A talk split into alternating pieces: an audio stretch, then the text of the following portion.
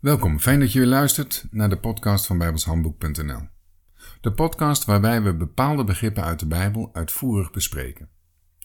In deze podcast gaan we het hebben over de hoge priester naar de ordening van Melchizedek. Wie was dat, die Melchizedek?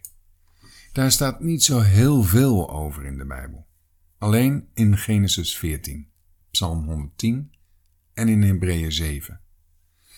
In Genesis 14 staan er maar drie versen die over hem gaan. Genesis 14, vers 18, 19 en 20. En Melchizedek, koning van Salem, bracht voort brood en wijn. En hij was een priester des Allerhoogste Gods. En hij zegende hem, en dat is dan Abraham en zeide, Gezegend zij Abraham, Gode, den Allerhoogste, die hemel en aarde bezit.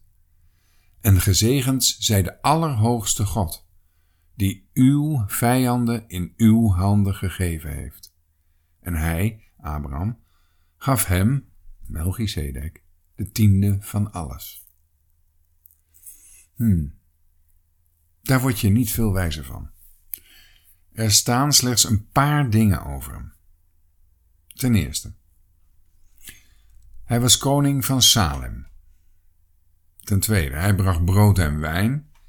Hij was een priester van de Allerhoogste God. Hij zegende Abraham. Hij zegende God.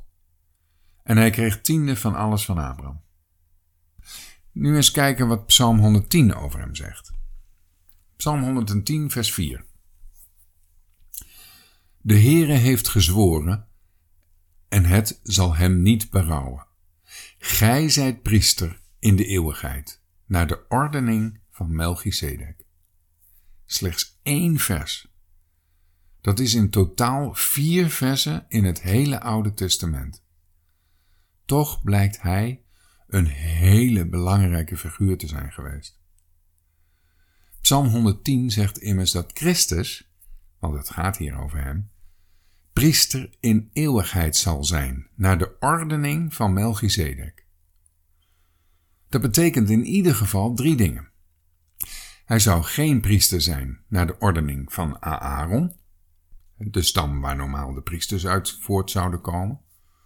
Hij zou priester zijn in de eeuwigheid en niet een mensenleven. En hij is door God als priester aangesteld. Om bij het laatste te beginnen. Je werd niet zomaar aangesteld tot hoge priester. Dat deed God. Dat gold niet alleen voor Christus, maar ook voor Aaron, de eerste hoge priester en degene die na hem kwamen. Ik lees Hebreeën 5, vers 4, 5 en 6.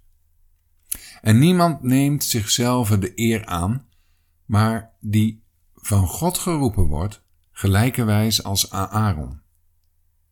Alzo heeft ook Christus zichzelf niet verheerlijkt om hoge priester te worden, maar die tot hem gesproken heeft. Gij zijt mijn zoon, heden heb ik u gegenereerd, gelijk hij ook in een andere plaats zegt, gij zijt priester in de eeuwigheid, naar de ordening van Melchizedek. Christus is dus door God aangesteld tot hoge priester naar de ordening van Melchizedek. Dat gebeurde bij zijn opstanding uit de doden.